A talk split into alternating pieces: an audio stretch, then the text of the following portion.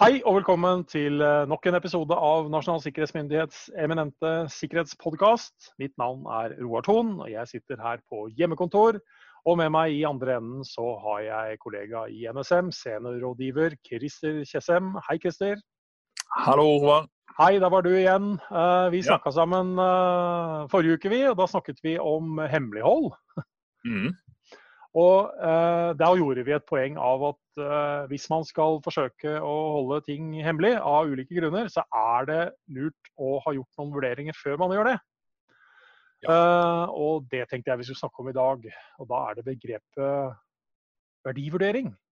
Fordi mm. vi har i NSM bl.a. kommet med både veileder og håndbok i verdivurdering av informasjon. Så nå tenkte jeg at uh, du skulle få lov til å snakke litt med sikkert noen innblandinger fra meg innimellom. Uh, litt om hva verdivurdering egentlig er.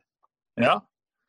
ja. Vi kan jo begynne med begrepet i seg sjøl, verdivurdering. Mm. Uh, mange tenker nok på at det er et begrep som omhandler hus og bolig og eiendomsmegler osv. Ja, ja. det gjør det jo for så vidt òg. Eh, men, men innenfor eh, vår verden, hvis jeg kan si det slik, så er verdivurdering en systematisk prosess eh, for å vurdere skadefølger for nasjonale sikkerhetsinteresser ved tap av informasjonens konfidensialitet, integritet eller tilgjengelighet. Ja. Og Det var jo begreper som vi snakka om i, i, forrige episode. Men, men, men, det er altså en egentlig rett og slett en vurdering av informasjonens eller opplysningens verdi i mm. konteksten nasjonale sikkerhetsinteresser. Ja. Mm. Og der har vi altså kommet med en uh, veileder, fordi dette er ikke Altså, dette, dette, kreves en del å gjøre sånne vurderinger i et, i et veldig sånn stort perspektiv. Det kan uh, kanskje være vanskelig å greie å se sin egen virksomhet og sin egen virksomhets altså, informasjon og verdier eh, isolert for seg selv, men det er enda vanskeligere å se dette her i et nasjonalt sikkerhetsperspektiv også. Ja, og, og det er jo eh, den vurderingen, altså konklusjonen på vurderingen har jo store konsekvenser eller ja. følger mm. når det gjelder hvilket sikkerhetsregime som da virksomheten må eh, implementere. Eh, sikkerhetsklareringer av eh, personell og fysiske tiltak og IKT-tiltak, hvilke systemer kan vi jobbe på, osv. Så, eh, så det, det at den prosessen både er eh, skal vi si, vanskelig å gjøre eller komplisert, men òg veldig veldig viktig for det beskyttelsesregimet som da følger av de vurderingene. Ja, for dette, dette, er dyrt hvis man gjør det feil, altså på så veldig mange måter. Eh, så det kan være enkelt å si at ja, men hos oss så er alt like hemmelig, så vi må beskytte alt like hemmelig hele tiden. Ja, mm. eh, hva er da kostnadene ved å skulle, som du da sier, sikkerhetsklarere alle ansatte, ha masse forskjellige tiltak og rutiner på alt man gjør?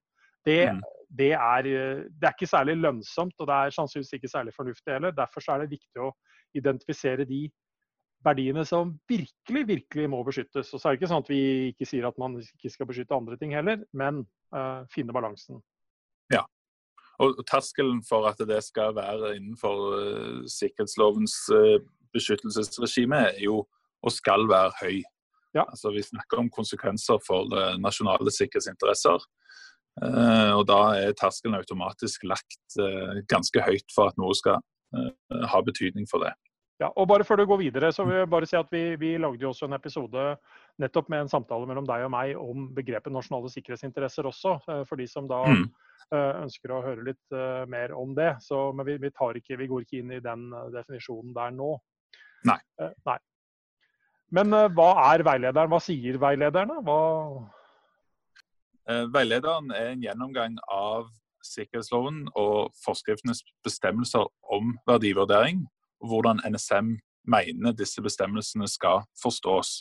Mm. Så Det er på en måte en, en hjelp i, til, til, leseren i å forstå begrepene og hva bakgrunnen for, for, uh, for lov og forskriftenes bestemmelser om dette, hva, hva, hva, hva den bakgrunnen er. Ja.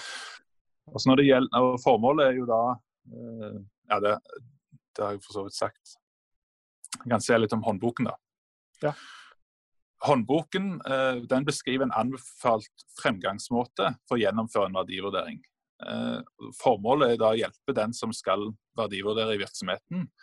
Og vurdere hvorvidt uvedkommendes tilgang til informasjonen kan forventes å forårsake skade for nasjonale sikkerhetsinteresser, gjennom å da identifisere og beskrive en skadefølge, for å så kunne konkludere om informasjonen må beskyttes i henhold til kravene i sikkerhetsloven, av da hensyn til nasjonale sikkerhetsinteresser. Så ja. kort fortalt, veilederen er NSMs eh, eh, dokument for å eh, eksemplifisere og beskrive hva og hvordan disse bestemmelsene skal forstås. Mm. Mens håndboken i verdivurdering da gir en fremgangsmåte eh, med ulike steg som den som verdivurderer må gå gjennom eh, i den prosessen. Og den, bare som det er sagt, så er da håndboken er avgrensa til å omfatte informasjonskonfidensialitet og vurdering av behov for å beskytte av hensyn til det. Ja. Men, men, men i realiteten så kan man bruke altså samme eh, fremgangsmåte for å gjøre en verdivurdering i seg selv, eh, uten at man skal forholde seg til loven eller ikke?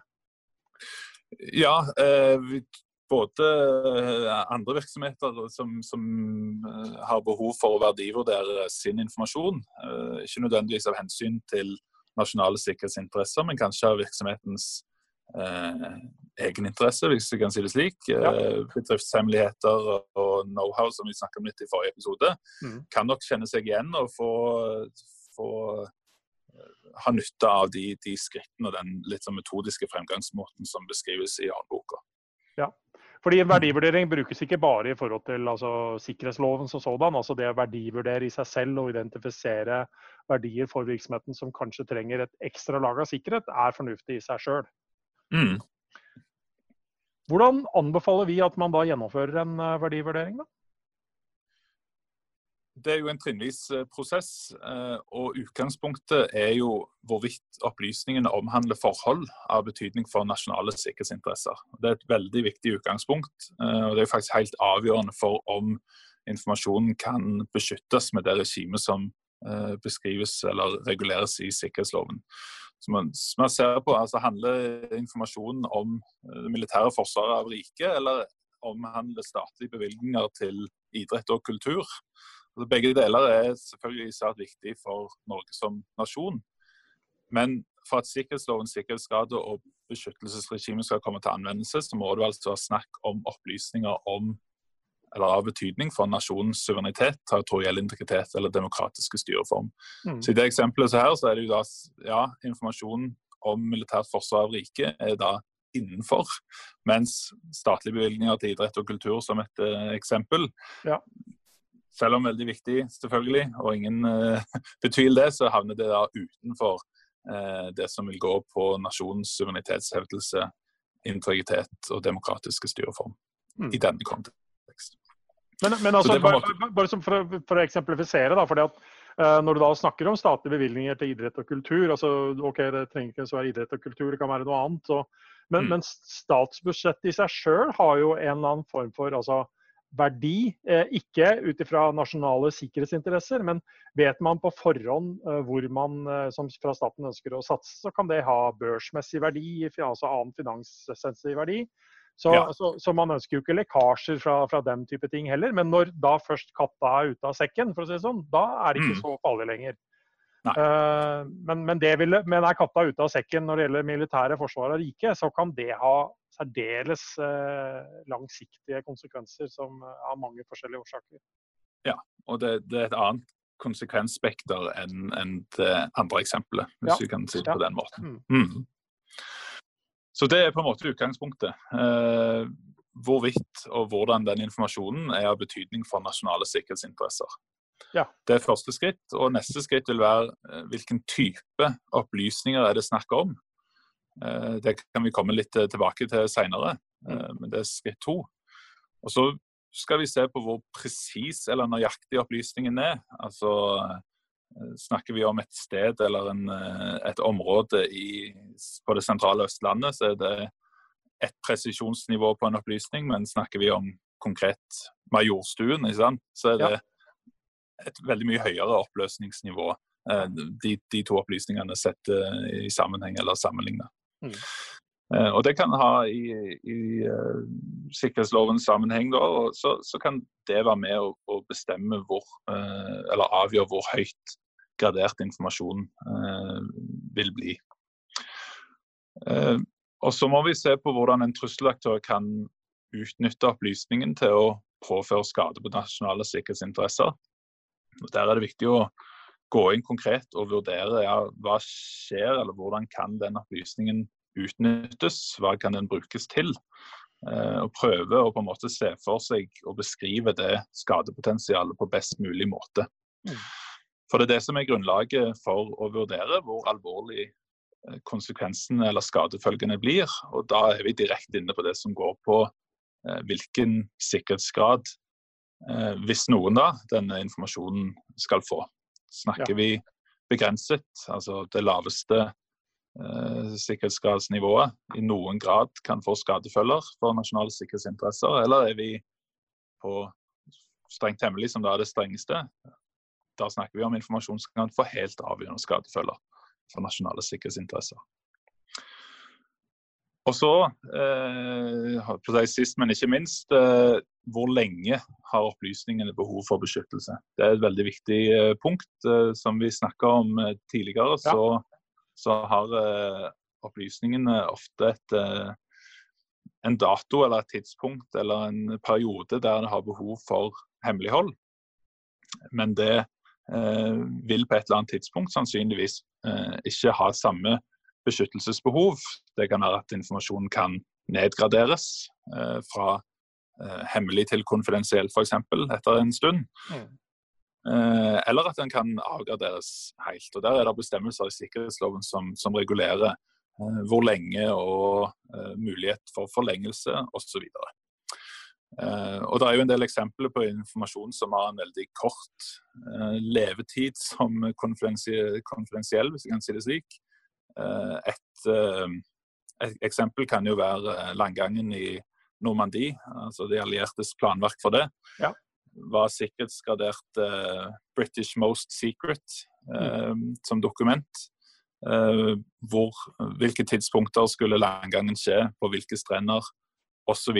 Selvfølgelig helt, helt avgjørende for at den operasjonen skulle lykkes. Mm. Men i det, i det operasjonen er igangsatt, så er jo, som vi har sagt, katta ute av sekken. Ja. Og det, de opplysningene har ikke lenger det beskyttelsesbehovet, fordi at det er Eh, allerede eksponert. Alle skjønner hvor det er og at det nå skjer. Eh, så ja. Absolutt. ja. ja. Så da, da, da, da mister hemmeligholdet i seg selv sin verdi. Eh, og i det øyeblikket den operasjonen i dette konkrete tilfellet er igangsatt. Men det betyr ikke, i eksempelet ditt der, da, så betyr ikke det at all informasjon knytta til den langgangen da Eh, ikke har eh, mista sin verdi. For det, det, er en rekke nyanser og faser av dette her. Men akkurat sånn sted og tid og den type ting er jo da ute av sekken. Men, ja. men, men det tar meg inn, inn på noe som, uh, som jeg syns er litt interessant. og Det er altså det du beskriver nå, er jo ikke en enkel måte å tenke på. fordi Når vi da sier at hvordan en trusselaktør kan utnytte opplysning til å påføre skade på f.eks. nasjonale sikkerhetsinteresser, så mm. krever jo det faktisk en betydelig kunnskap om hva en trusselaktør faktisk kan gjøre, er i stand til å gjøre og er, altså faktisk eh, vil kunne gjøre. Altså, ja. Nærmest altså, tenke som en kjeltring, for å si det sånn. Og det er jo ikke noe enkelt for uh, hvem som helst å gjøre. Nei, det er helt uh, sant. Det er, en, det er, en, vanskelig oppgave. Og, og, sånn som du var inne på, det tenker som en kjeltring, ikke bare i dag, men hvordan kan den utnyttes i fremtiden? Ja. med ny teknologi. Uh, og alt det, med, det medbringer. ikke sant? Det er veldig vanskelig å, å Det er en vanskelig oppgave å gjøre ja. og se for seg hvordan den informasjonen kan utnyttes nå og i framtiden. Absolutt. Men, men, når vi snakker om, eh, om det på den måten, da, så, så, vil nok kanskje noen tro at uh, det er da vi som sitter og gjør alle disse vurderingene på vegne av alle. Men det er det jo absolutt ikke. For det er jo virksomhetene selv som, som da skal gjøre verdivurderingene og sånn sett beslutte hvilke, hva slags informasjon som skal graderes på en eller annen måte.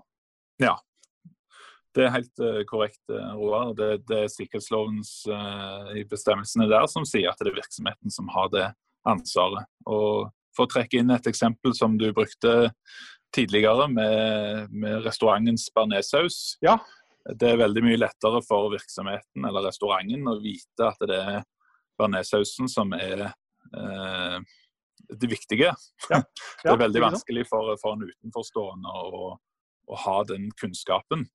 Utenforstående kan kanskje hjelpe til eh, med metoder og retningslinjer og ja. veiledere for å hjelpe restauranten til å komme fram til bearnéssausen og dens oppskrift, men det er altså virksomheten selv som best har den muligheten til å gjøre det. Og Derfor er det lagt opp eh, slik som det er.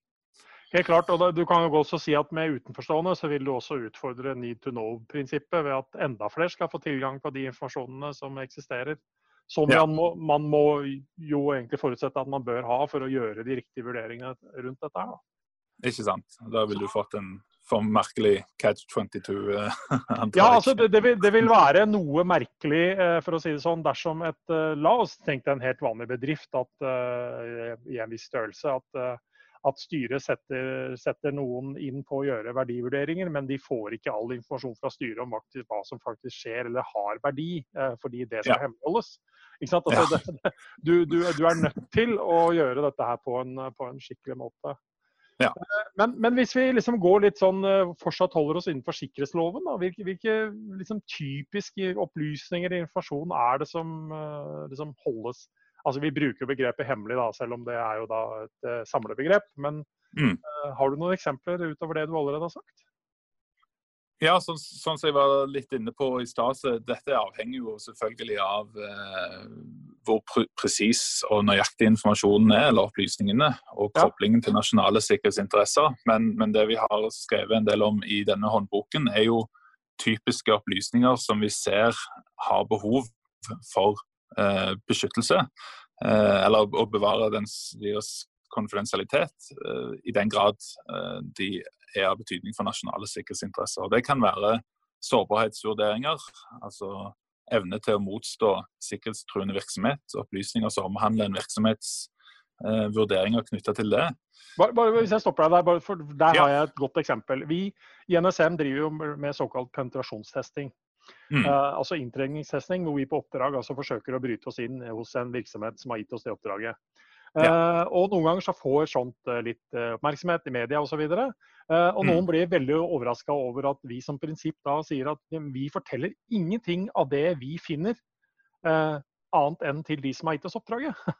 Ja. Fordi den lista av hva man finner, er jo nettopp en oppskrift over hvordan altså en trusselaktør faktisk kunne altså, gjøre dette i morgen, om man satte det på spissen, for, for mm. nettopp å utnytte det. Så, så, Derfor så blir sånne vurderinger ganske viktige. da. Ja.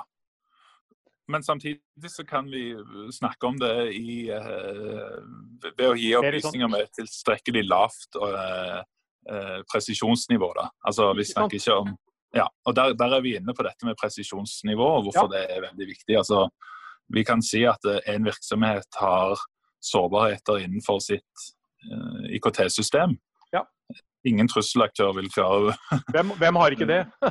ja, ikke sant? Ingen, ingen, det, det, er veldig vanskelig å pinpointe. Ja, man klarer jo ikke pinpointe ut ifra hvilken virksomhet man snakker om, ja. og hvilke konkrete systemer og hvilke uh, sårbarhet eller hull man snakker om. Mens hvis vi går inn på konkrete virksomheter, konkrete systemer, konkrete sårbarheter, så vil, vil man gjøre den jobben mye lettere for en trusselaktør i å, i å, kunne utnytte den informasjonen. Derfor vil den da eh, kunne ha et høyere skadepotensial. Ja. Mm. Så det var det ene. Eh, andre typer opplysninger, eh, trusselvurderinger, selvfølgelig. Detaljerte opplysninger om trusselaktørers intensjon og kapasitet. Mm. Eh, det sier jo både noe om hva vi forbereder oss mot, men det kan òg gi et inntrykk av hvordan den informasjonen har blitt framskaffa. Ja. Eh, så trusselvurderinger med tilstrekkelig presisjonsnivå kobla til nasjonale sikkerhetsinteresser vil kunne ha behov for å hemmeligholdes. Ja, altså I verste eh, fall kan, kan, man risikere å avsløre altså, altså, Ikke nødvendigvis navngitte kilder, men altså kilder i forhold til hvor, hvor potensialet er for hvor denne informasjonen mest sannsynligvis kom fra. Da, som man absolutt ikke ønsker å avsløre. Ikke sant. Det, det, samme gjelder jo eh, etterretningsinformasjon, ja. uh, som er det neste. Det er både produktet i seg selv, uh, men òg hvordan det er framskaffa, som, ja. som, vil ha et beskyttelsesbehov. Mm. Andre typer opplysninger eller informasjon som må holdes eh, hemmelig, det kan være knytta til virksomheters eller funksjoners spesifikasjon, kapasitet eller kapabilitet. Eh, det kan òg være relevant for mange andre virksomheter når vi snakker om eh, eh, bedriftshemmeligheter og fortrinn, konkurransefortrinn. Men det er altså snakk om, når vi snakker om spesifikasjon, det kan være detaljerte beskrivelser av design, materiale som er benytta for å konstruere noe, forhold som omfatter operasjon og vedlikehold osv. Kapabiliteter, da tenker vi om kvalitet eller type evne eller egenskap eh, informasjon om våpensystemer, sensorer, eh, sammenkoblinger mellom disse, hvordan det fungerer. Og kapasitet vil jo da være en, eh, beskrive en form for kvalitativ egenskap om volum eller størrelse, eh, fart, akselerasjon osv. Mm. Når vi snakker om eh, maks hastighet på jagerfly, eller hvor mye Eh, kapasitet sånn og sånn eh, våpensystemer har, så vil det ofte være gradert, fordi at man da vil avsløre eh, hva en eventuell motstander må kunne forberede seg på. Jeg, jeg synes jo det, det, du sier nå er interessant. fordi eh, vi, har jo, vi, har jo, for en stund tilbake, uten at jeg skal åpne den debatten på ny, men eh, så kom jo NSM da ut med et kart med hvor, hvilke områder det var droneflyforbud mm. Eh, og bruk av sensorer. Og det vakte jo ekstrem eh, interesse og mye kritikk. Eh, mm. Sett med mine øyne så kommer jo den kritikken fra si, noen som kanskje ikke fullt ut har forstått hva vi egentlig snakker om her. Altså at, at det er militær aktivitet på Bardufoss eller på Haakonsvern, er liksom ikke det er ikke hemmelig informasjon, for å si det sånn. Uh, og det da å plassere de områdene på en liste hvor man da sier at det er altså forbudt å fly denne type ting, mm. uh, er altså ikke å avsløre noe som helst. Men det gjør en annen viktig ting. Den informerer faktisk uh, og ansvarliggjør uh, de ulike aktørene rent juridisk dersom man gjør disse tingene, og gjør faktisk mulig å gripe inn dersom noen faktisk gjør noe. Ja. og så er beskyttelsen av andre ting som må beskyttes. Eh, ikke nødvendigvis på en sånn eh, liste hvor man har gjort andre tiltak for, eh, for på mange måter at det gir ikke så veldig mye informasjon om man flyr her eller der, fordi man har tatt høyde for det. Men mm. både, både Bardufoss og Håkonsvern ble bygd i en tid hvor dette med droner ikke akkurat var så veldig mye brukt, for å si det på den måten. Men, men, altså, det er, liksom, det er nivået på informasjonen vi, vi må forstå når vi gjør disse tingene. Det at Norge har spesialstyrker, er ikke en hemmelighet. Nei. Det at de spesialstyrkene trener og, er på spesielle militære områder, er heller ingen hemmelighet. Men når vi kommer ned på hvem de er, eh, hva de gjør, hvordan de trener, hvor de er, når de gjør ting og ved hvem de gjør det, da begynner vi å komme ned på det detaljnivået som gjør at uh, ting blir altså, gradert informasjon. Ja, og det er, et, det er, et, viktig aspekt eh, både i den konkrete saken med dette dronekartet, ja. Eh, men òg som del av generelle verdivurderinger. Det er å spørre seg selv kan informasjonen beskyttes, eller kan den kontrolleres. Ja. Eh, og da, da, må man jo på en måte se er informasjonen på andre måter tilgjengelig. Vil man oppnå eh, faktisk beskyttelse ved å implementere disse sikkerhetstiltakene som en sikkerhetsgradering eh, fører med seg? Mm. Eller må informasjon anses som tilgjengelig for uvedkommende allerede? Ja. Eh, da vil man ikke kunne oppnå eh, den effekten som, som, man da ønsker ved å sikkerhetsgradere informasjon. Litt på samme måte som når tannkremen er ute av tuben, så er det vanskelig å få den tilbake igjen. Så er hemmeligheter uh, åpent tilgjengelig er òg vanskelig å få tilbake igjen som en hemmelighet. Ja, helt klart. Men er det andre eksempler? Uh, jeg tok jo siden uh, spora deg kanskje litt av, men Andre eksempler på type informasjon som kan ha behov for hemmelighold, kan være opplysninger om kryptologi. Eh, hvordan sikre staten sin, eh, sin sikre kommunikasjon Og det er hele spekteret av kryptologi som kan ha behov for hemmelighold. Alt fra utvikling, metoder, kapasiteter, sårbarheter innenfor både kryptografi og kryptoanalyse. Ja. Så det er en veldig viktig del av ja, en, en, stor bruker av sikkerhetsgraderte stempler, hvis vi kan si det på den måten. Ja, og kryptologi bruker vi til bl.a. å beskytte opplysninger om hva diplomatiet vårt driver med, f.eks. Ja, og det er òg en egen kategori av informasjon og opplysninger som i seg selv har et beskyttelsesbehov, eller kan ha. Mm. Detaljerte opplysninger om Norges posisjoner og mulighet til forhandlinger med andre stater kommentarer og vurderinger om andre staters diplomatiske forbindelser, posisjoner og forhandlingsmuligheter. Ja. Da er vi igjen tilbake på dette her eh, forholdet til andre stater og mulighet eh, til å oppnå en fordel selv, eller unngå at andre oppnår fordeler. Mm. Eh, det kan være informasjon som da må beskyttes av, av de eh, behovene der. Andre opplysninger kan være knytta til hendelser i fortid. Hvis det har inntreffet en spesifikk eh, hendelse som er under vurdering eller kartlegging, eh, og som er, kan ha konsekvenser for nasjonale sikkerhetsinteresser, eh, så kan det være behov for å beskytte det. Det kan òg være opplysninger om hendelser i fremtiden. Eh, planlagte øvelser, hva skal øves, hvem skal øves, eh, osv. Mm. Kan i noen tilfeller ha behov for eh, for hemmelighold. Og så selvfølgelig da til slutt eh, kanskje den største eh, posten, eller den største type opplysningen. Det er da knytta til militære og sivile operasjoner av betydning for nasjonale sikkerhetsinteresser. Ja.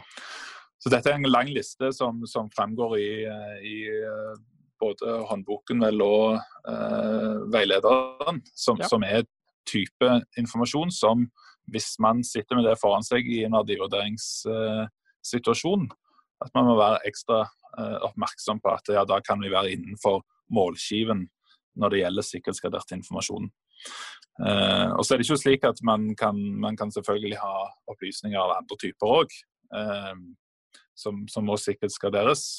Men denne listen er altså sammensatt av typiske opplysninger som vi ser mange tilfeller har blitt uh, sikkerhetsgradert, og som blir sikkerhetsgradert. Ja. Mm. Men altså, verdivurdering, eh, som vi har snakket om nå, masse interessante ting her, eh, er ekstremt viktig for altså alt ifra oss som enkeltpersoner til virksomheter, og ikke minst da i en, i en nasjonal og statlig sammenheng. Men altså, det, det, å gjøre noen sånne tanker rundt eh, de verdiene vi alle forvalter, altså det er viktig. Og, det, og det, er bare, det, er ikke, det, er jo ikke bare det at virksomheten i seg selv er nødt til å gjøre verdivurderingen og klassifisere osv. Det følger jo med, som vi har nevnt eh, i begge episodene, en rekke forskjellige tiltak som må være med der. Og så mm. kommer jo de tiltakene helt ned til oss som enkeltpersoner også. og betydningen at vi faktisk forstår hvor vi passer inn i dette her. Jeg har et mm. eksempel som jeg bruker om meg selv, som er basert på min egen personlige verdivurdering. Men i mange år så hadde jeg eh, sikkerhetsmessige oppgaver knytta til eh, den norske delen av utviklingen av eh, jagerfly F-35.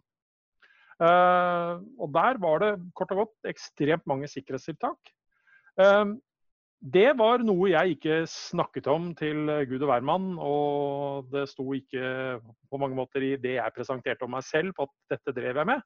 Men i mm. ettertid, når jeg har avslutta det som var mine oppgaver, så er dette noe jeg faktisk er stolt av, og det står på CV-en min osv. Altså, men, men mm. det er da basert på en verdivurdering på at den informasjonen jeg hadde om det som pågikk da, det er nå foreldet, og jeg er sånn sett ikke så veldig interessant i den sammenhengen med som, hvor noen potensielt kan være interessert i F-35 i en negativ forstand. Så, så, har mm. ikke jeg så veldig mye å bidra med lenger. Men det kunne tenkes at jeg hadde det når jeg faktisk drev med dette her. Mm. Så, det gjøre, altså, så, det er for meg en liten sånn bilde på det vi egentlig snakket om nå. Da, på at man gjør noen sånne vurderinger også uh, for seg sjøl. Ja. Og Det er jo viktig eh, om virksomheten er underlagt sikkerhetsloven eh, eller ikke. Altså Man kan jo ha innleide konsulenter, uh, vikarer osv. Og da er det veldig viktig å ha ja, både oversikt over hvilke informasjonsverdier er det virksomheten har, og hvordan behandles de både av virksomhetens egne ansatte, men òg andre innleide osv. Ja. Benjamin Franklin skal jo ha sagt tre kan holde på en hemmelighet hvis to av dem er døde. Ja. Det er kanskje det ultimate informasjonssikkerhetssitatet. Og det er selvfølgelig ikke noe vi kan Det anbefales ikke, for å si det sånn. Det var en litt mørk Ja. det er veldig mørk, men det, men det viser altså her enhver som Og da er vi egentlig inne på need to know-prinsippet. altså Enhver ja. ny person som får kjennskap til en opplysning, eh, det innebærer en økt risiko. Eh, og, og, det er jo på en måte det som ligger til grunn både for det sitatet til Benjamin Franklin, men òg egentlig hele informasjonssikkerhetsregimene. Uh, need to know uh, og sett i sammenheng med responsibility to share. altså Man må sørge for at den informasjonen faktisk er tilgjengelig hos de som må bruke den for å ivareta virksomhetens funksjonalitet.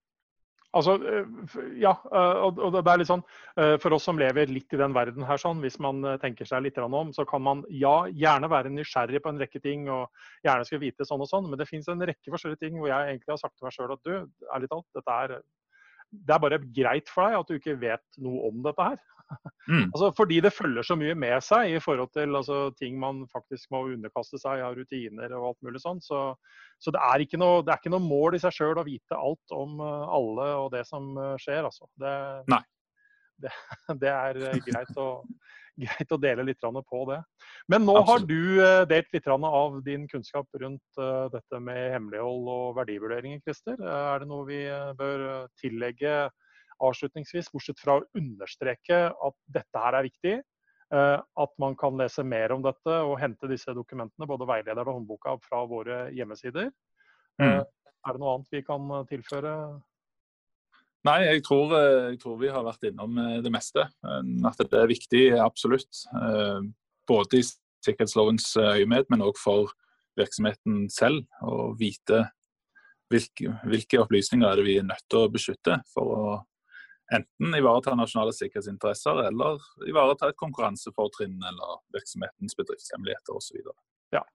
Og da har vi egentlig automatisk gjennom gjennomgangen nå i denne innspillinga her eh, konkludert med at verdivurderingen vår på selve innspillingen er at den kommer til å bli publisert. og uh, vil ikke legges noen uh, hindringer i så måte, og vil være tilgjengelig kanskje lenger enn 30 år for å snu litt på, på akkurat tankegangen rundt det.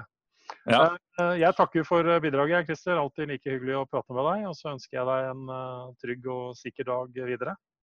Takk i like måte, Håvard.